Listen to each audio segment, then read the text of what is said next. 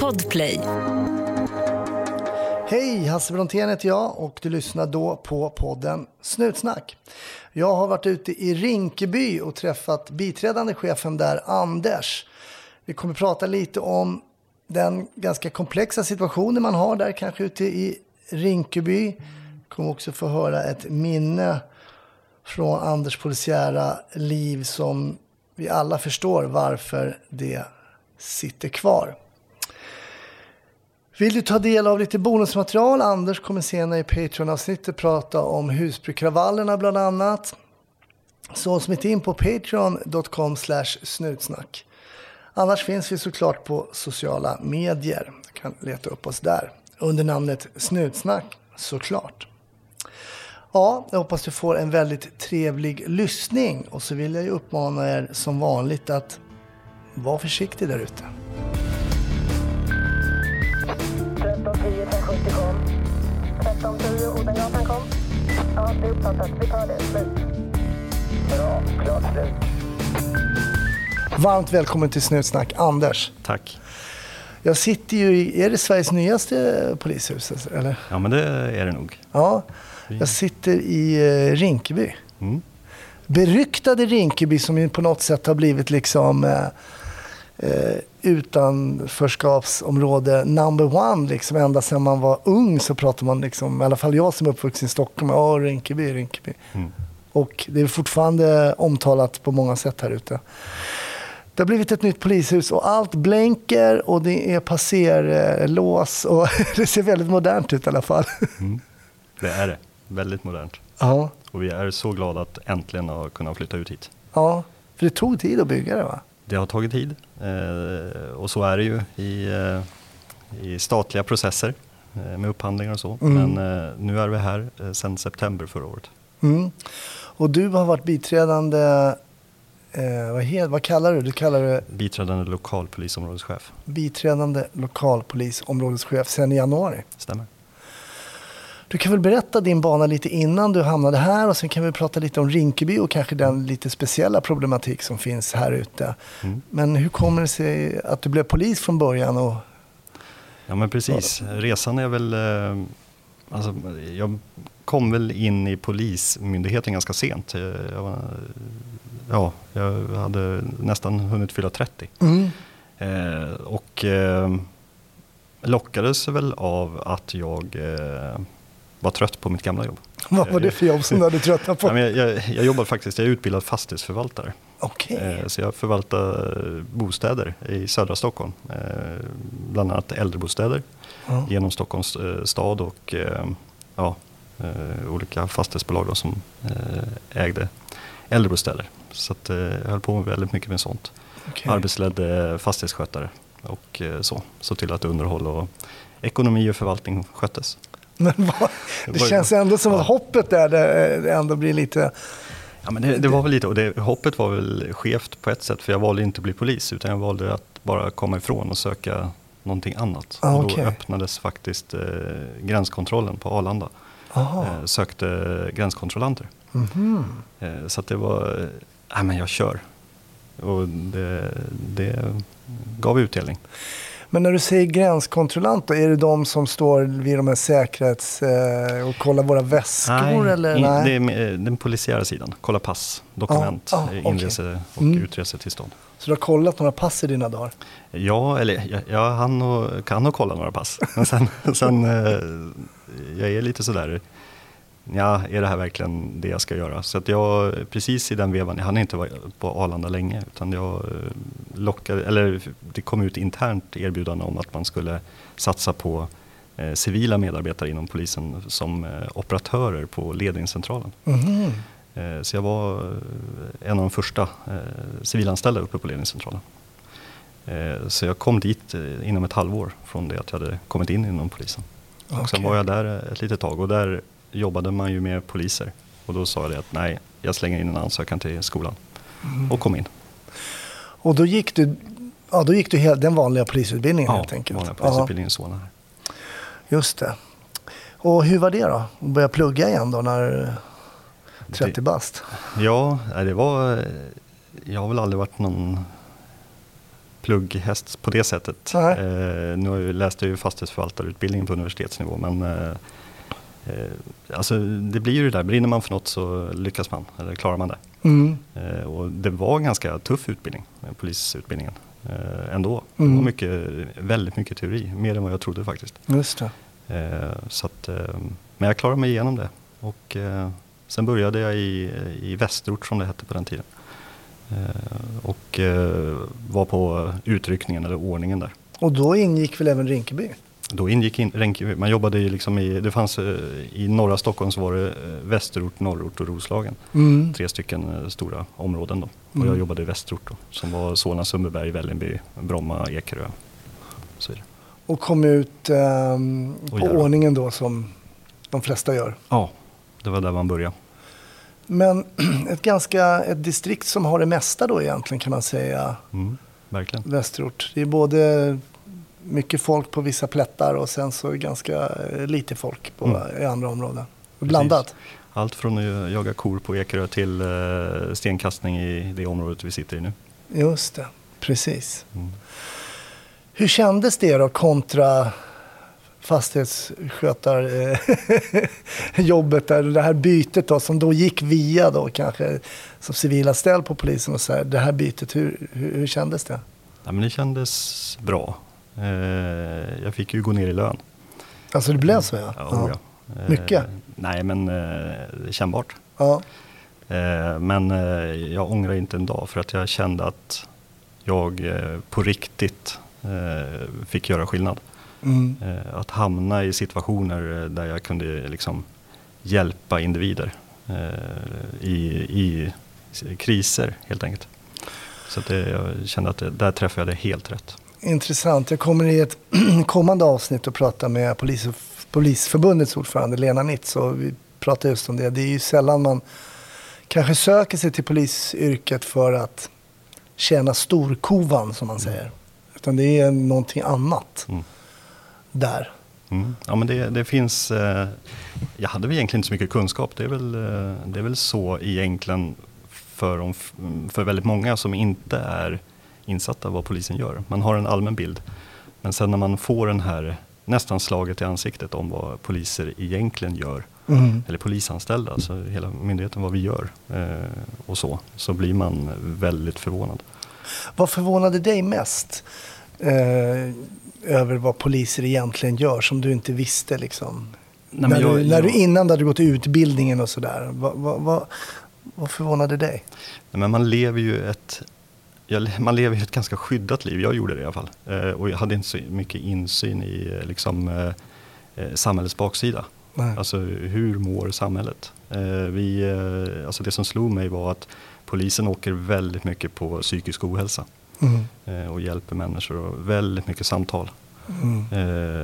Det är liksom att hjälpa människor i olika situationer, i livssituationer där liksom är polisdelen blir liksom, alltså man blir avgörande som en eh, tipping point liksom att Mm. kunna hjälpa och vara Mm. en förlängd arm till sjukvården och liksom olika instanser i samhället.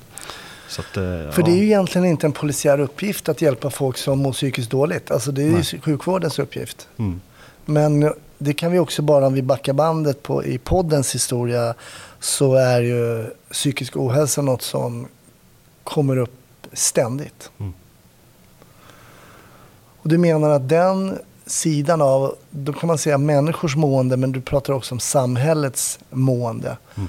Att man känner av det på ett annat sätt då när man kommer ut och jobbar som polis. Ja men det gör man. Och sen eh, alkoholens inverkan på ett samhälle eh, är Mm. också extremt tydligt eh, som polis. Det var någon som sa att det är lite över 70% av jobben vi åker på är alkoholrelaterade. Mm. Jag vet inte om den siffran stämmer men den, eh, jobbar man som polis så eh, nog känns det. Mm. En, eh, en nykter människa skulle ha väldigt svårt att slå en annan människa. Mm.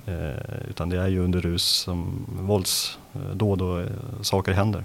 Och Mm. andra droger självklart. Mm. Men den blir också väldigt ty tydlig som polis. Att, Mm. psykisk ohälsa, alkoholrelaterat, drogrelaterat. Och det är ju liksom kopplat till dels familjer men dels bilkörning och liksom det, är- det blir liksom en bild av samhället som där, ja, där polisen är liksom mitt i skärselden i det. arbetet. För det är väl en upplevelse som jag själv har haft att liksom, man är ju en grupp som är mitt i liksom kärnan på något sätt. Eh, och man vet om att man vet så mycket saker som andra inte vet. Precis. Och därför blir man också en homogen grupp. Mm.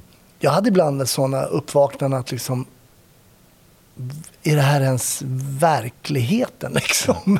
Alltså sker det här verkligen? Jag kanske kunde tänka mig vissa saker som jag har varit med om, att jag hade sett det på film. Mm. Men så var man med om det. Och då menar jag inte att det är skjutningar eller biljakter, utan bara obskyra, samhälleliga, mörka Mm. händelser. Liksom. Nej, men det, det, precis, och det är ju den känslan att när man tar av sig uniformen, eh, antingen om jag jobbar på ledningscentralen eh, och går ut efter ett arbetspass, Mm. ut i liksom, eh, kanske morgon, morgonens ljus efter ett nattpass. Mm. Eller att jag har åkt en natt i, i en eh, polisbil och, och åkt som en eh, skållat, mm, liksom bara från jobb till jobb. Och sen tar av mig uniformen och går ut i, liksom i, i verkligheten på något sätt. Mm. Och bara, vad var det som hände den här natten egentligen? Mm. Alltså i början så påverkades man väldigt mycket av allt som hände. Man kunde redogöra, man hade liksom man var eld och lågor överallt inför kompisar, vänner och familj och så. Liksom, Åh, vet du vad jag har varit med om? Så här. Mm. Sen gick det över ganska snabbt som att jag kommer faktiskt inte ihåg vad jag gjort passet som gick. Mm. Det är liksom det, man, man är med om så mycket och det liksom blir bara liksom det blir bara liksom en stor massa som liksom bara En del kallar ju det ryggsäck. Mm. Det kanske blir en börda. Mm. Eh, men liksom man, man har svårt, man får gräva lite. Vissa saker kommer man ihåg extremt tydligt. Eh, Mm. Andra saker är liksom bara, just det. Mm. Det kommer jag ihåg, ja, där var vi. Ja just det, nej, men det var ju, oh, det där var inte roligt. Nej. Alltså det, är- det är väldigt konstigt hur man fungerar. Och hur väcks dina minnen då? Kan det vara att du åker förbi en plats eller? Så kan det vara, Mm. absolut. Mm. Vissa, eh, vissa delar, jag har väldigt mycket eh, minnen, eh, både bra och dåliga från det här området som Mm. jag nu är chef för. Mm. Som har påverkat mitt liv. Jag tänker just kring chefskap. Fanns det någon tanke hos dig eh, att just chef, att du skulle bli chef från början? Nej, inte alls. Däremot så intresset för ledning har varit väldigt eh, tydligt eh, väldigt tidigt. Mm. Så jag tog sig upp som eh, svarmålare som det heter internt eh, ganska tidigt eh, som yttre befäl. Mm. Eh, för, alltså chef och ledare för de yttre poliserna. Mm. Eh, och fick liksom svara när chefen var borta. Vad tror Eh. du du var bra på som de gjorde att de ville ha dig som svaromålare? Var- Nej, vad hade man dels, dels så uppmärksammat? tror jag nog att eh, jag, är, lugn, jag, är, jag ser individer eh, och jag liksom försöker jobba för att varje individ är ett, liksom ett, en viktig bricka i liksom ett pussel jag lägger. Mm. Och sen har jag nog en eh, bra förmåga att eh, pussla snabbt och komma till snabba beslut Mm. och styra liksom, ett skepp åt rätt riktning Mm. väldigt snabbt. Eh, och bygga organisationsstruktur i stressad miljö. Eh, för det är ju det ledning handlar om. Mm. Snabbt bygga en, eh, en, liksom, en organisation i, utifrån en händelse och sen liksom agera istället för parera. Mm. Att man, liksom får, liksom, man, man ser att organisationen blir liksom autonom, den fungerar av sig själv. Den, liksom, den, den leds eh, framåt. Och det, det där älskade jag. Jag fick liksom, man fick en puls varje gång det blev en insats, en större händelse. Där jag fick vara med och leda och man liksom ledde till framgång. Antingen om man grep gärningsmän som hade begått något brott eller om det var någon olycka eller någonting. Man fick liksom göra skillnad. Mm. Och känna att ja, men, eh, polisen, vi som var på plats, vi levererade. Började du svara redan då i Västerort så att säga? Att du Ja. som yttre befäl då? Precis, och Mm. sen, eh, jag har gjort lite olika saker. Jag har varit både stationsbefäl och alltså i, på, på stationen i Solna och sen har jag varit inne på ledningscentralen också som polis. Blev inkommenderad ett antal år. Mm. Och sen har jag varit utredare, så man, man har hoppat runt lite sådär. Men sen, eh, sen blev jag 20, ja, ett antal år sedan blev jag yttre befäl, fick en fast tjänst. Okej. Så jag jobbade ett antal år i gamla Västerort. Hur är det då att vara yttre befäl? Då är det du som är liksom kommer ta tag i om det händer något större. Så, men du är också Mm. den som folk hör av sig till. Alltså, du är befälet Mm. ute den här kvällen eller dagen. Och som yngre polisman ute så kan man ju alltid höra av sig till yttre och, Mm. och fråga och sådär. För det är väl den, den rollen man har också som yttre befäl. Jo men det är det, absolut. Dels är man ju arbetsmiljöansvarig och liksom är chef för ett arbetslag som jobbar. Eh, men också liksom leder och styr verksamheten. Mm. Så det, är ju, det är de delarna man har. Så att, absolut, och är en, liksom en eh, arbetsgivarrepresentant och liksom en eh, ansvarig för polisverksamheten i, ute i ett visst område. Mm. Så att, nej men allt det där tillsammans var väldigt, eller är väldigt attraktivt. Mm. Och jag mådde, jag mådde väldigt bra i det. Hur skolade Västerort dig då som polis? Nej, men alltså man hittar ju, det- dels självklart finns det utbildningar och sådana grejer, men jag, eh, att eh, bli chef inom en statlig organisation som polisen är ju, bygger väldigt mycket på att man försöker hitta föredömen i eh, liksom chefer som finns. Mm. Och man, man, man har ju sina föredömen och det, det är lite så man växer som ledare. Mm. Och jag, jag är långt ifrån färdig, känner jag, som ledare och Mm. chef. Eh, men har ändå byggt på liksom en, en erfarenhet under de här åren. Jag brukar alltid, vi kommer in lite på eh, Rinkeby där du jobbar nu, men jag Mm. tänkte fråga dig om ett minne från din tidigare polisiära karriär som liksom sitter kvar hos Mm. dig. För det, jag tror att också som yttre befäl så, så får man ju också case som man inte är på själv egentligen. Utan man får åka på andras för att det behövs stöttning eller rådgivning eller något sånt där. Men vad har du för minne som, eh, som sitter kvar hos dig, som poppar upp? Ja, men det, det, minnen som gnager, eh, det är ju alltid när det är barn involverade. Mm. Antingen om det är en trafikolycka eller om det är nå någonting annat. Det kan ju vara allt från plötslig spädbarnsdöd som är faktiskt polisiärt dödsfall eh, som vi hanterar. Eh, eller det kan vara eh, Måste ni åka på det alltså? Alltså det, vi, det finns ju olika delar där polisen behöver bedöma liksom orsak till eh, dödsfallet. Mm. Eh, och då blir det ju liksom en polisiär utredning. Okej. Eh, självmord är ju en sån del. Eh, plötslig spädbarnsdöd är ju en sån del. Eh, och sen finns det ju ja, olika omständigheter som gör att vi måste utreda vad som har hänt. För Eh, förr åkte man ju på alla dödsfall. Det Ja, nej, det har- När jag började så. det har blivit bättre. Ja, för det var, kändes ju som lite waste of time när en äldre herre liksom Mm. avlidit i sin säng hemma och Ja. man pratade med änkan och så här. Jag var på några sådana såklart och det var ju tragiskt men Mm. ja, det var ju inte så att man trodde man skulle hitta en kniv i ryggen liksom. Nu är det reglerat. Det Ja. finns ju en handbok mellan Ja. eh, överenskommelser. Men, eh, mellan landsting och polismyndighet. Men Mm. det är ehm, det som jag minns eh, är ju en händelse som var att vi, vi fick att en kille stod på Tranebergsbron på fel sida om räcket. Eh, en eh, sen kväll. Det här är många år sedan. Vi åkte dit. Jag och min kollega landade som första patrull. Mm. En bit ifrån där vi såg att det stod en person eller siluetten av en person lite längre fram på. Och ni jobbade i uniform då eller? Vi jobbade i uniform. Mm. Åkte precis i yttre tjänst i uniform som poliser på ordningen där i Västerort. Eh, gick fram till eh, den här killen. Eh, visade sig, eh, han heter någonting annat men vi kallar han Erik. Mm. Han stod på fel sida om räcket och eh, grät. Han, eh, vi fick en ganska snabb bild i den här kontakten med han. eh, Liksom, ja, vad säger man? Vad är de första orden? Liksom? Mm.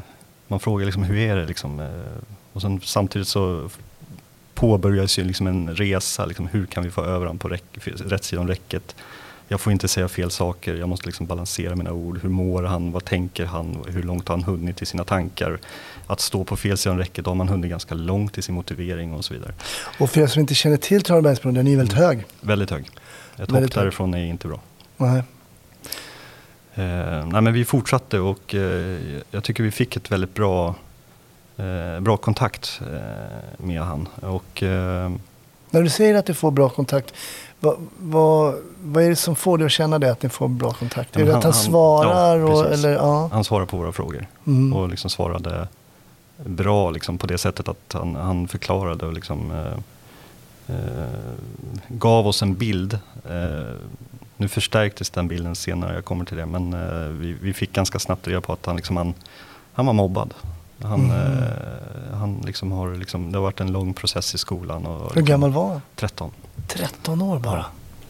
Eh, nej men det, är liksom, det, det, är en, det är en resa som den här killen har gjort eh, sen liksom lågstadiet. Eh, liksom, kanske stuckit ut lite men liksom varit liksom, ja, den här som alla hackar på. Mm. Och, liksom, och sen när ja, sociala medier var ju väldigt, eh, inte så utvecklat som det är idag. Eh, tyvärr när det gäller eh, snabba förlopp och dygnet runt och så. Mm. Men han, det fanns ändå vissa delar av sociala medier som han också blev uthängd på. Mhm. Och det var en del av de delarna som hade liksom blivit droppen till att han, nej, han, han ger upp. Liksom.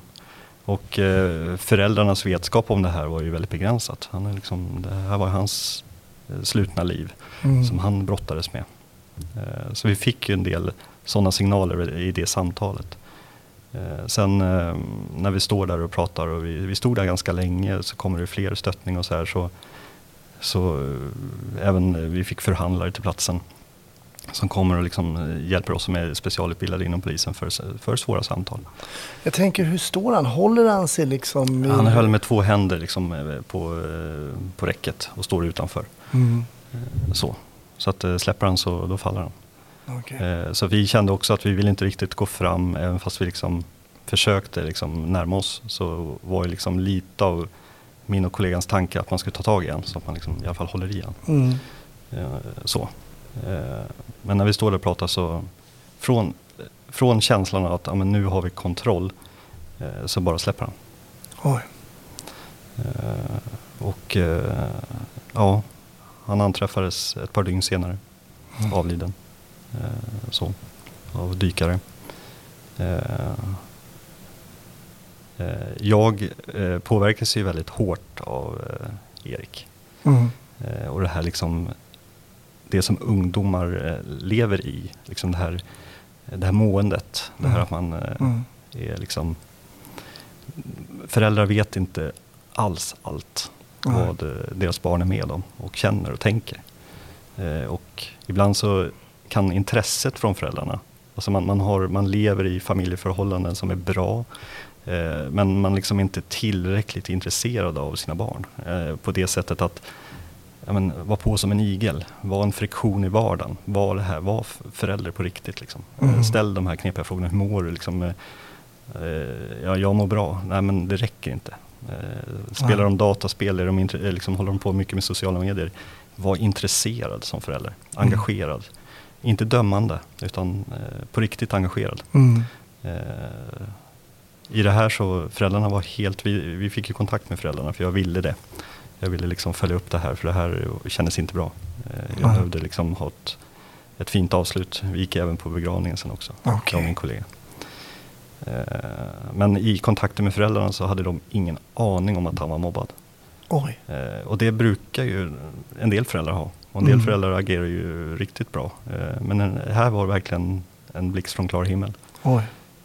Och det vi hittade liksom i, i, eller det som föräldrarna hittade i hans rum och lite så, som bekräftade hans mående utifrån att han hade skrivit en del.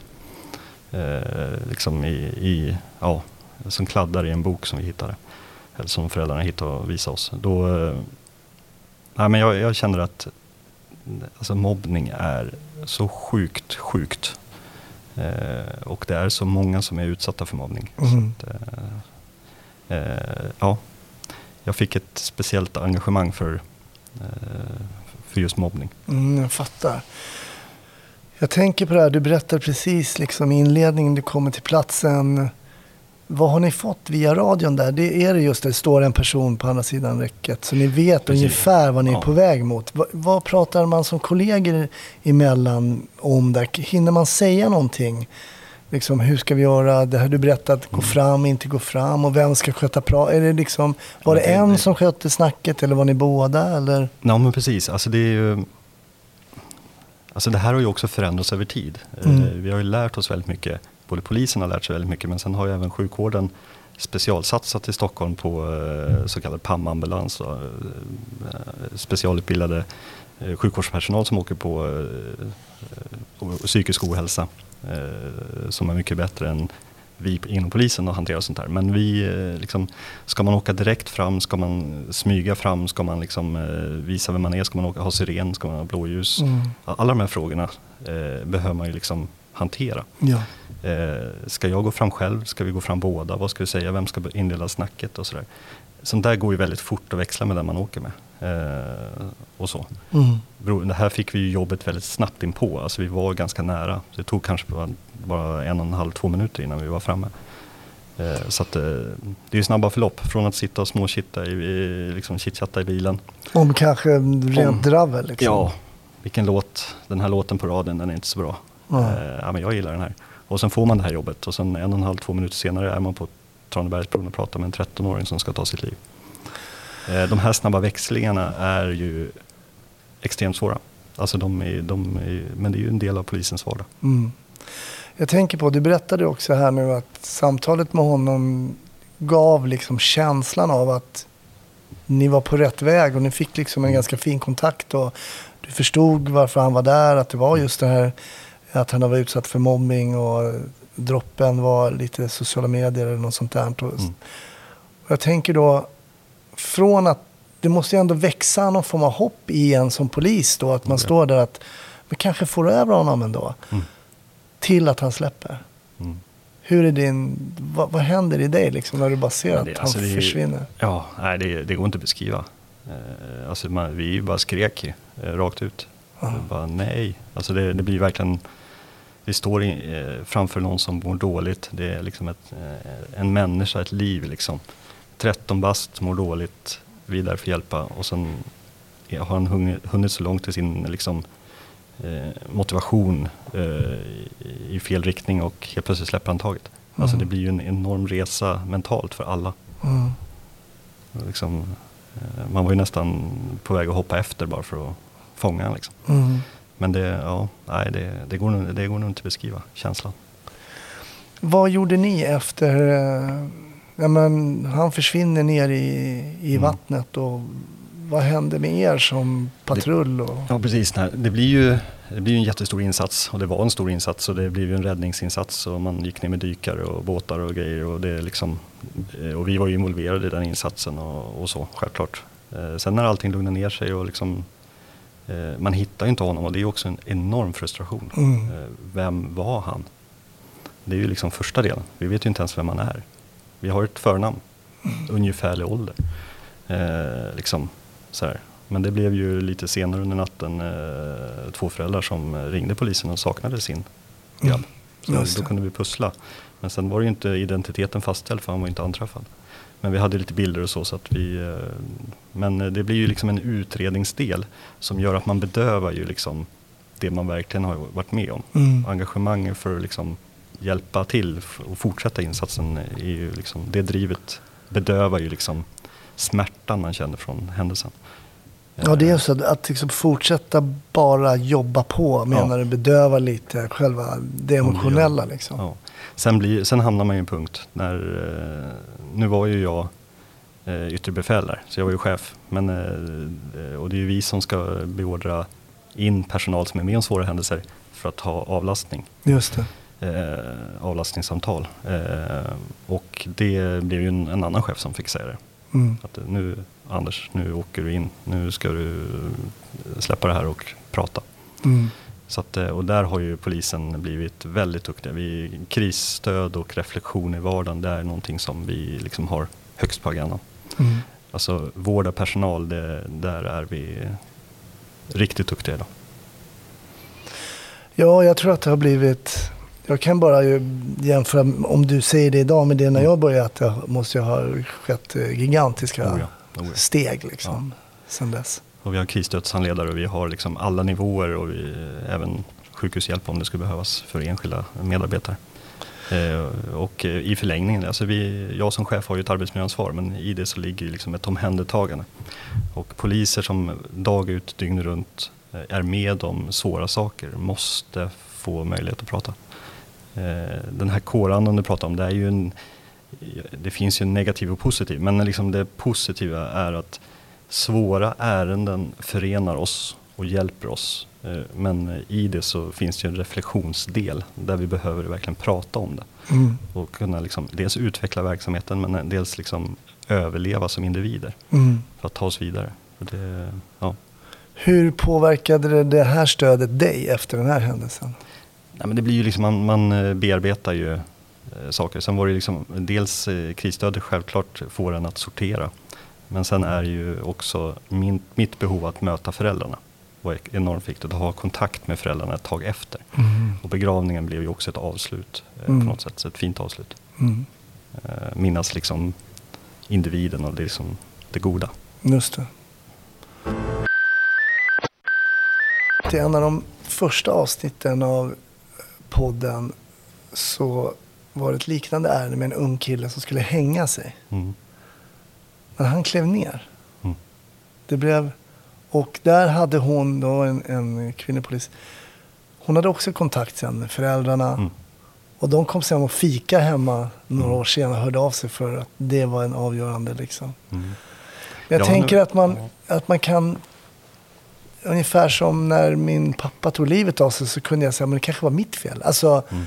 ibland kan man ju blamea sig själv. Att, Oh, ja. Kunde du ha sådana känslor också om jag inte hade sagt det eller kanske skulle ha gått in på ett annat sätt? Skulle vi ha sprungit fram? Alltså, Ja, hur många alltså sådana tankar fick jag, kan, du? jag kan säga att det, än idag så kunde vi gjort något annorlunda. Mm. Hade jag sprungit fram och tagit tag i hans arm och dragit över honom, varit lite mer bestämd, hade det räddat honom. Alltså, Mm. Absolut, alltså, det går att vända och vrida. Och det det sjuka är att jag har ju varit på hundratals olika sådana här ärenden. Mm. Alltså om inte 500-tals.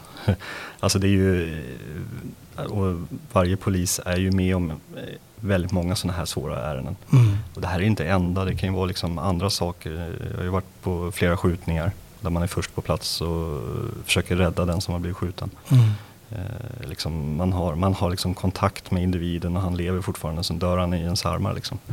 Kunde jag gjort något annorlunda? Kunde vi varit snabbare på plats? Kunde vi liksom, ja. Eh, jag har varit med om eh, bara några, eh, några hundra meter från polishuset här. Där vi sitter i Rinkeby där jag och min kollega blev kallade på ett eh, hjärtstoppslarm. Eh, polis, räddningstjänst och ambulans åker ju tillsammans alltid och den som kommer först vårdar. Eh, eh, och eh, när vi står och gör HLR och ambulans inte har kommit än, då blir vi utsatta för stenkastning. Eh, jag drar in den här eh, människan in i ett trapphus tillsammans med min kollega och fortsätter där. Eh, alltså alla de här minnena är ju liksom, kunde jag gjort något annorlunda? Liksom, eh, ja. Alltså det, det, det är så extremt. Ja. Så att, ja. Men det här liv och död Mm. är ju väldigt tydligt i det här yrket. Även Oh om, och jag menar, det är klart det inom sjukvården och så vidare. Men jag Mm. menar, inom polisyrket så är det väldigt tydligt. Och jag menar, vi har pratat psykisk ohälsa här, men Mm. du berättar om skjutningar och vi har olyckor och, och, och så vidare. Så- Men sen när du berättar att man ligger och försöker liksom göra hjärt och lungräddning på en person och folk kastar sten på en. Mm. Det är ju liksom, det här blir ju, det kommer in fler känslor än bara frustrationen av att försöka rädda någons liv och känna att man kanske skulle ha gjort det bättre eller så vidare. Och så ska man försöka skydda både sig själv och den som snart kanske eventuellt, det hjälper ju knappast att få stenar i huvudet om man får HLR, HLR samtidigt. De känslorna då, att liksom vara i ett område där polisen kanske uppenbarligen inte är så omtyckt. Mm. Ja, men det, blir ju, det blir ju en dubbelbottnad. Man försöker rädda liv samtidigt som man, någon vill en illa. Liksom. Eh, så då, då byggs ju upp en, en frustration. Eh, och den är också oerhört viktig att liksom, ta hand om. Och det, det har jag faktiskt högst på agendan nu när jag är chef för det här området. Mm. Att liksom, omhändertagandet, återhämtning för personalen. Mm. Eh, det är det viktigaste. Det är svåra miljöer. Och det här området är komplext. Vi har stort våldskapital i form av gäng som eh, liksom leder narkotikahandeln här. Mm. Eh, vi har bara i år är sex stycken som har blivit ihjälskjutna i Järva. Mm. I, i liksom, bara i år. Eh, och då har vi liksom eh, eh, väldigt tråkig historik eller liksom statistik eh, från flera år tillbaka.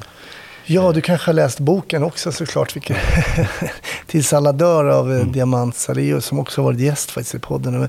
Som är, för dig som lyssnar inte har läst, väldigt intressant. Eh, och man får ju mycket funderingar kring hur killar som har gått i samma klass, spelat i samma fotbollslag, mm. till slut börjar skjuta på varandra och ha ihjäl varandra. Mm. Men eh, senast nu, nu sitter vi i juli 2021, så det var väl bara någon dödsskjutning här för ja, någon vecka sedan? Eller ja, var det så? så färskt som i tisdags faktiskt. I tisdags. Mm. Och jag menar, hur mycket påverkar det din personal att det ändå är så pass... Du pratar om att det finns ett starkt våldskapital här. Hur mycket påverkar det din personal som ska ut och jobba i den miljön ändå? Det påverkar jättemycket. Absolut. Eh, vi, eh, vi måste vara väldigt noggranna med liksom förberedelser. Eh, hur vi ja, men liksom reflekterar, hur vi mår. Har man haft ett antal arbetspass som har varit tunga, liksom, har jag fått avlastning? Har jag fått reflektera? Mm. sådär. det går inte att slappna av i ett sånt här område.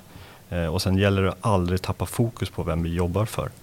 Eh, det är ju liksom, eh, det är de boende här eh, och de som verkar i Järva mm. som är liksom våra, de vi jobbar för. Och det är de som Eh, vi liksom, det är de som ska känna trygghet. Eh, och eh, det, är liksom, det blir liksom motivationen till att liksom fortsätta vara liksom, agera mot liksom de som inte skapar trygghet. Just det. För jag tänker också kring det som händer till exempel då i Biskopsgården en mm. polisman blir skjuten och eh, det gör ju att man, ja, man skulle jag säga, jag tänker att det är så men eh, jag tänker tillbaks till min, att man blir mer på tå, man blir mer jag säger nervös, men jag kanske inte är nervös i detta uttrycket, men man blir mer uppmärksam på sin vakt. Eh, man vet att det finns de här eh, vapnen ute, man vet att man inte är omtyckt och så vidare. så vidare. Vilket kan ju bli en ond spiral så att säga. Och det skulle ju vara, kännas otryggt att gå ut här idag. Jag har ju varit här på jobb själv. Mm. Mycket i narkotikaärenden tidigare. Mm. Eh, men då ställde vi bilen och... Mm.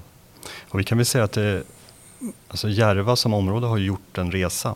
Och eh, eh, en positiv resa.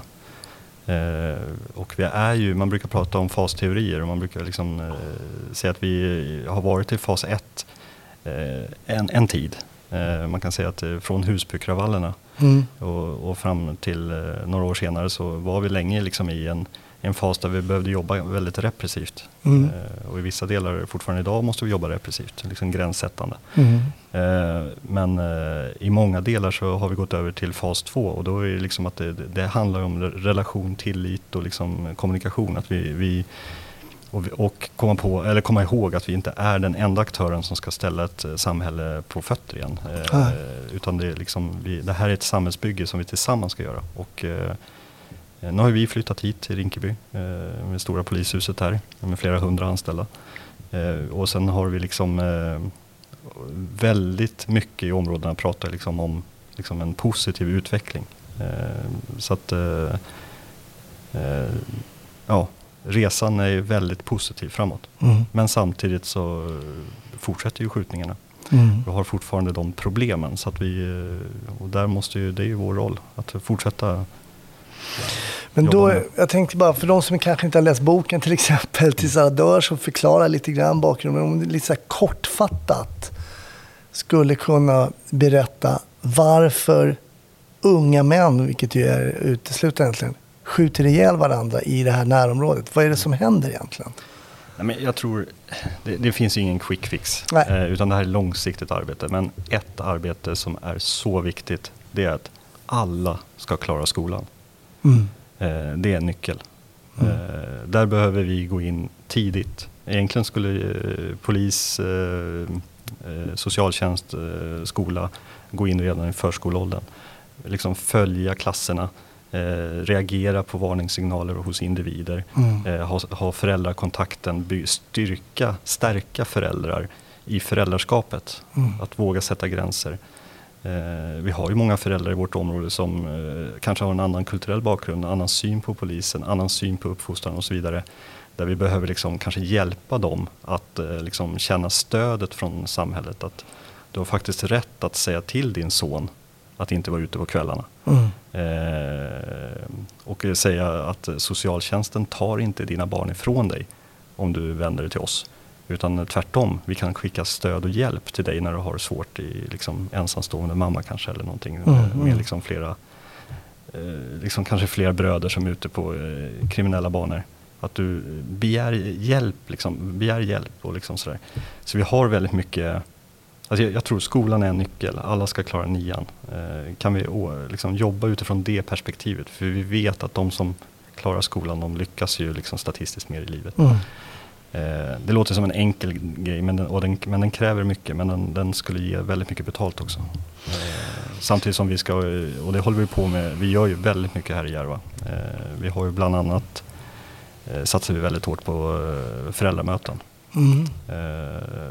Och då är det väldigt många ensamstående mammor som kommer. Som vi har samtal med. Och, liksom, och då är vi inte bara polisen utan då är vi olika representanter från samhället. Eh, Det är kommunen och det är ja, olika företrädare. Så. För det där är ju någonting som man har sagt länge. Liksom. Ah, men vi såg ju redan liksom i Mm. lågstadiet att eh, Ronny skulle bli kriminell. Liksom. Exakt. Och det har vi sagt ända, jag är född 67 liksom. Så att precis, när ska vi liksom Mm. börja ta tag i de där så kallade signalerna som vi då, Precis. Mm. eller är vi bara efterkloka? Men för det är nog så att vi kanske kan se Ja. vissa Och jag, signaler. exakt det där du säger, att vi, eh, om, du har, om du har Ronny som går i liksom årskurs tre på, grund- i grundskolan. Lärarna vet exakt vilka som det kommer gå dåligt för. Mm. De, de, ja, men, ja, men jag, det, det, det, alltså, de har ju den kunskapen, Mm. de är proffs. Men att då ha ett system som omhändertar det Mm. eh, på ett schysst sätt. eh, Där man väver in föräldrar och liksom, kanske polis eller, och så vidare Mm. i ett liksom, eh, förebyggande syfte. Eh, så tror jag det kommer ge, det kommer kosta engagemang men det kommer också ge så mycket tillbaka. Eh, ett exempel är ju egentligen, jag har en son.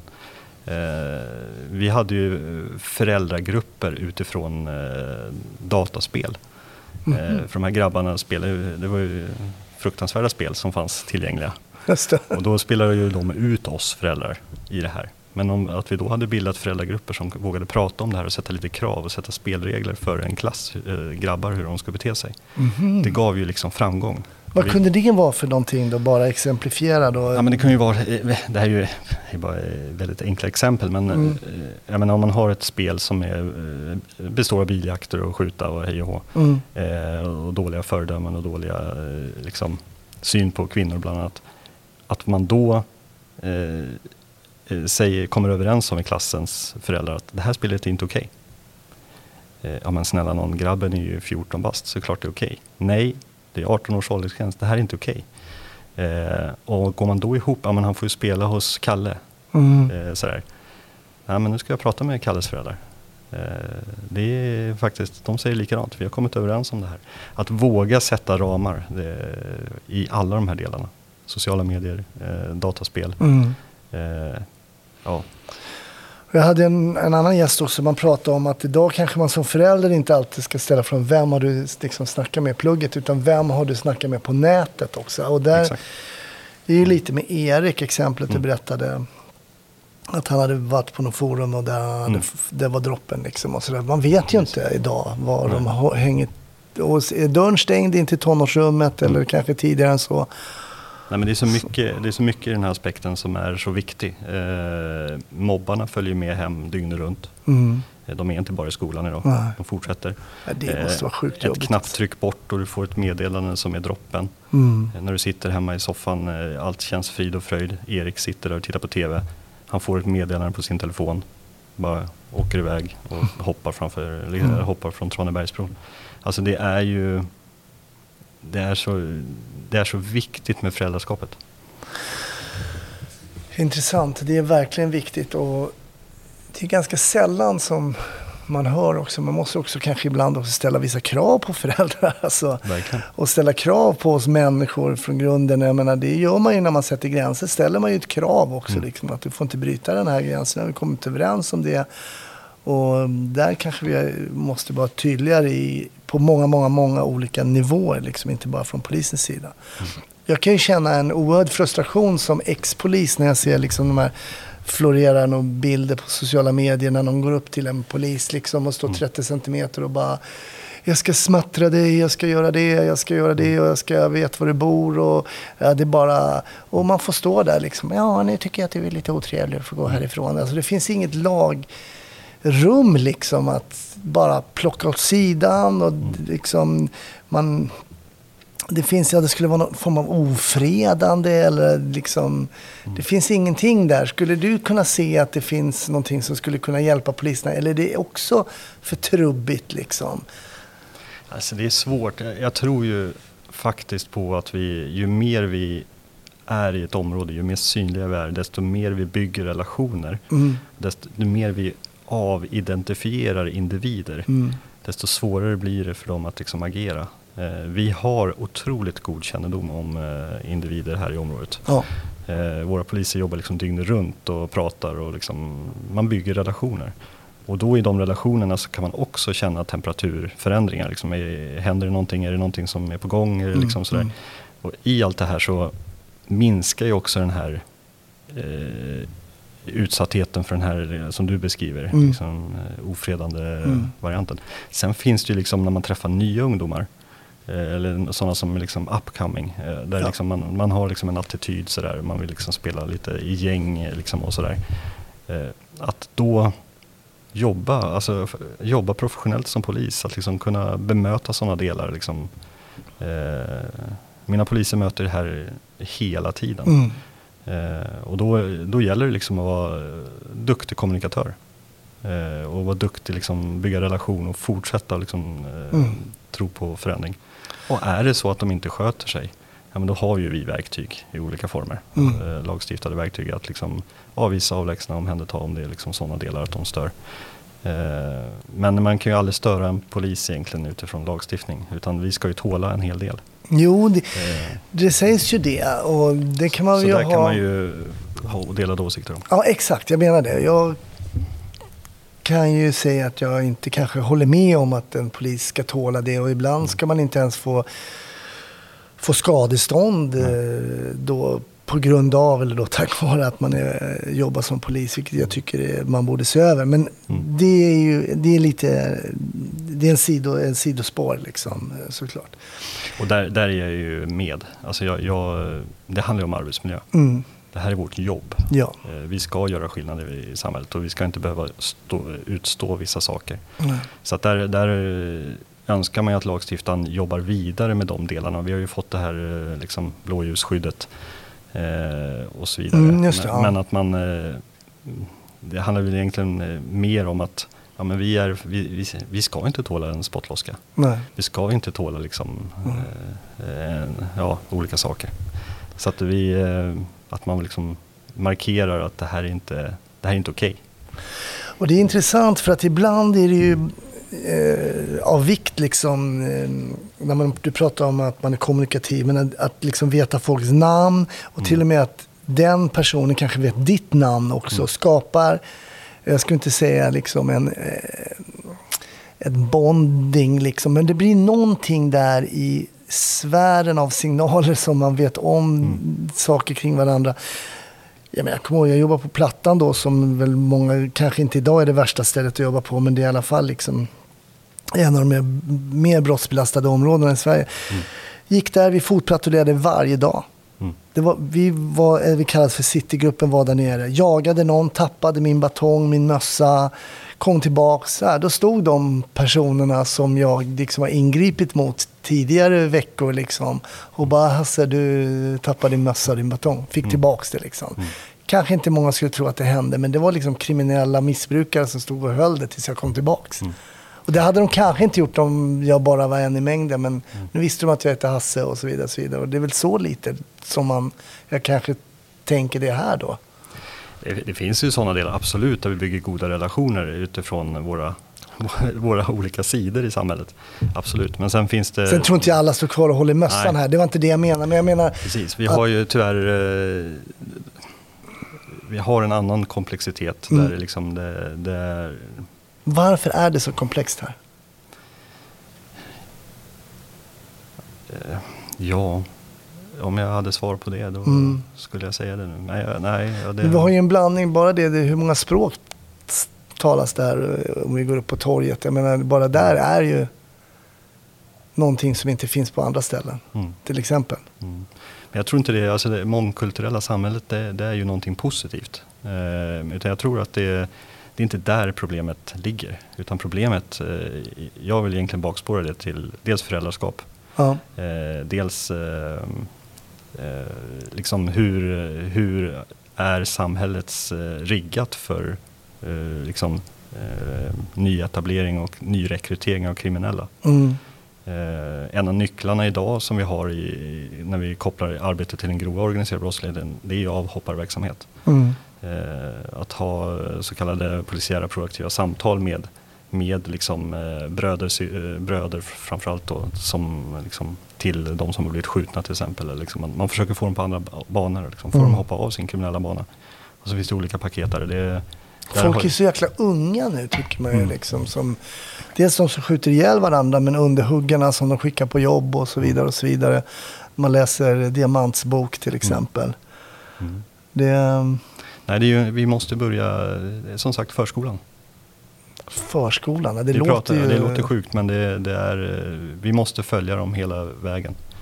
Eh, Det, vi måste bygga om den delen i skolan för att vi ska lyckas och komma nära liksom,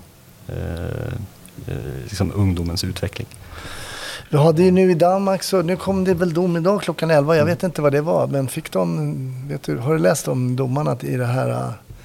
Ja, ja men precis. Det, de, de fick bra domar, ja. Ja, de fick ju ordentliga domar. De har ju något som heter bandelov. alltså typ, alltså om man är med i en gäng eh, kriminalitet liksom, eh, organiserad gängkriminalitet så kan man dömas till längre straff. Mm. Och det gör de ju även för de som är lite yngre. För en av de här som, när den här skjutningen skedde i Danmark så var han bara 17 år. Mm. Och de fick väl upp mot 20 år eller något sånt där. Ja, de fick, eh, nu ska vi se, eh, 16 år eh, för de eh, som var under 18. ja, Mm. Men det är långa straff. det är långa straff. Det är det.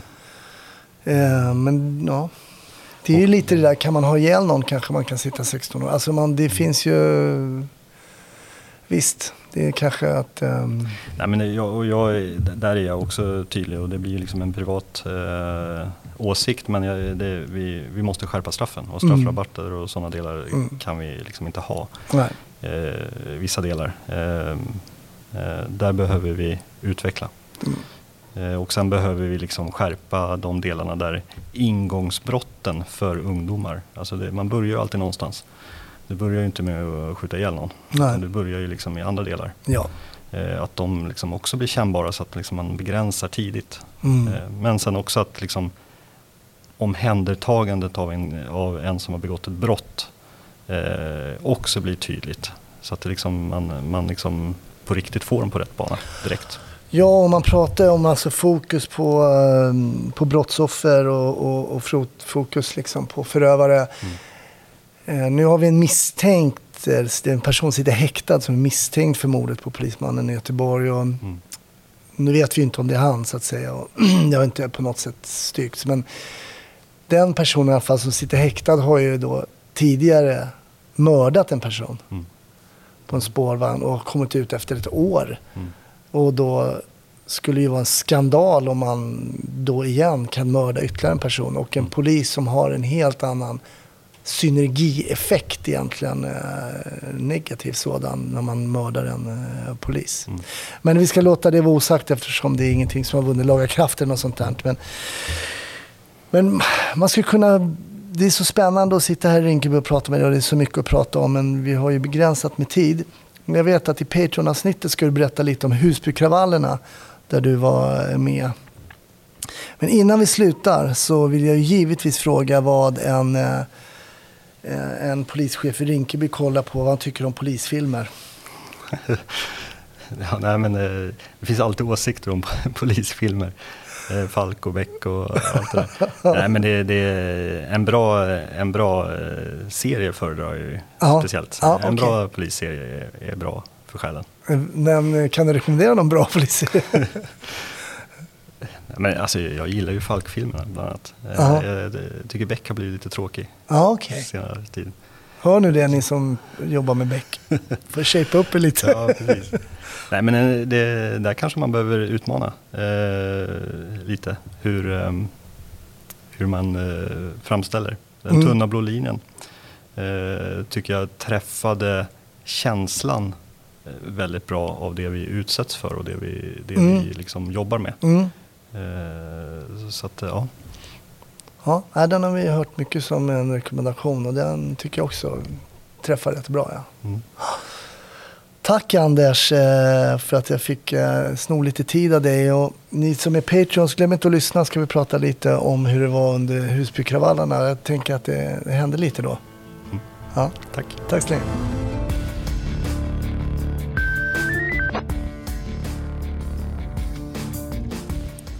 Tack för att du har lyssnat på Snutsnack. Vi är tillbaks i nästa vecka med ytterligare ett avsnitt. Och jag hoppas att du lyssnar då också. Tack för att du lyssnar och ha det fint. Hej så länge.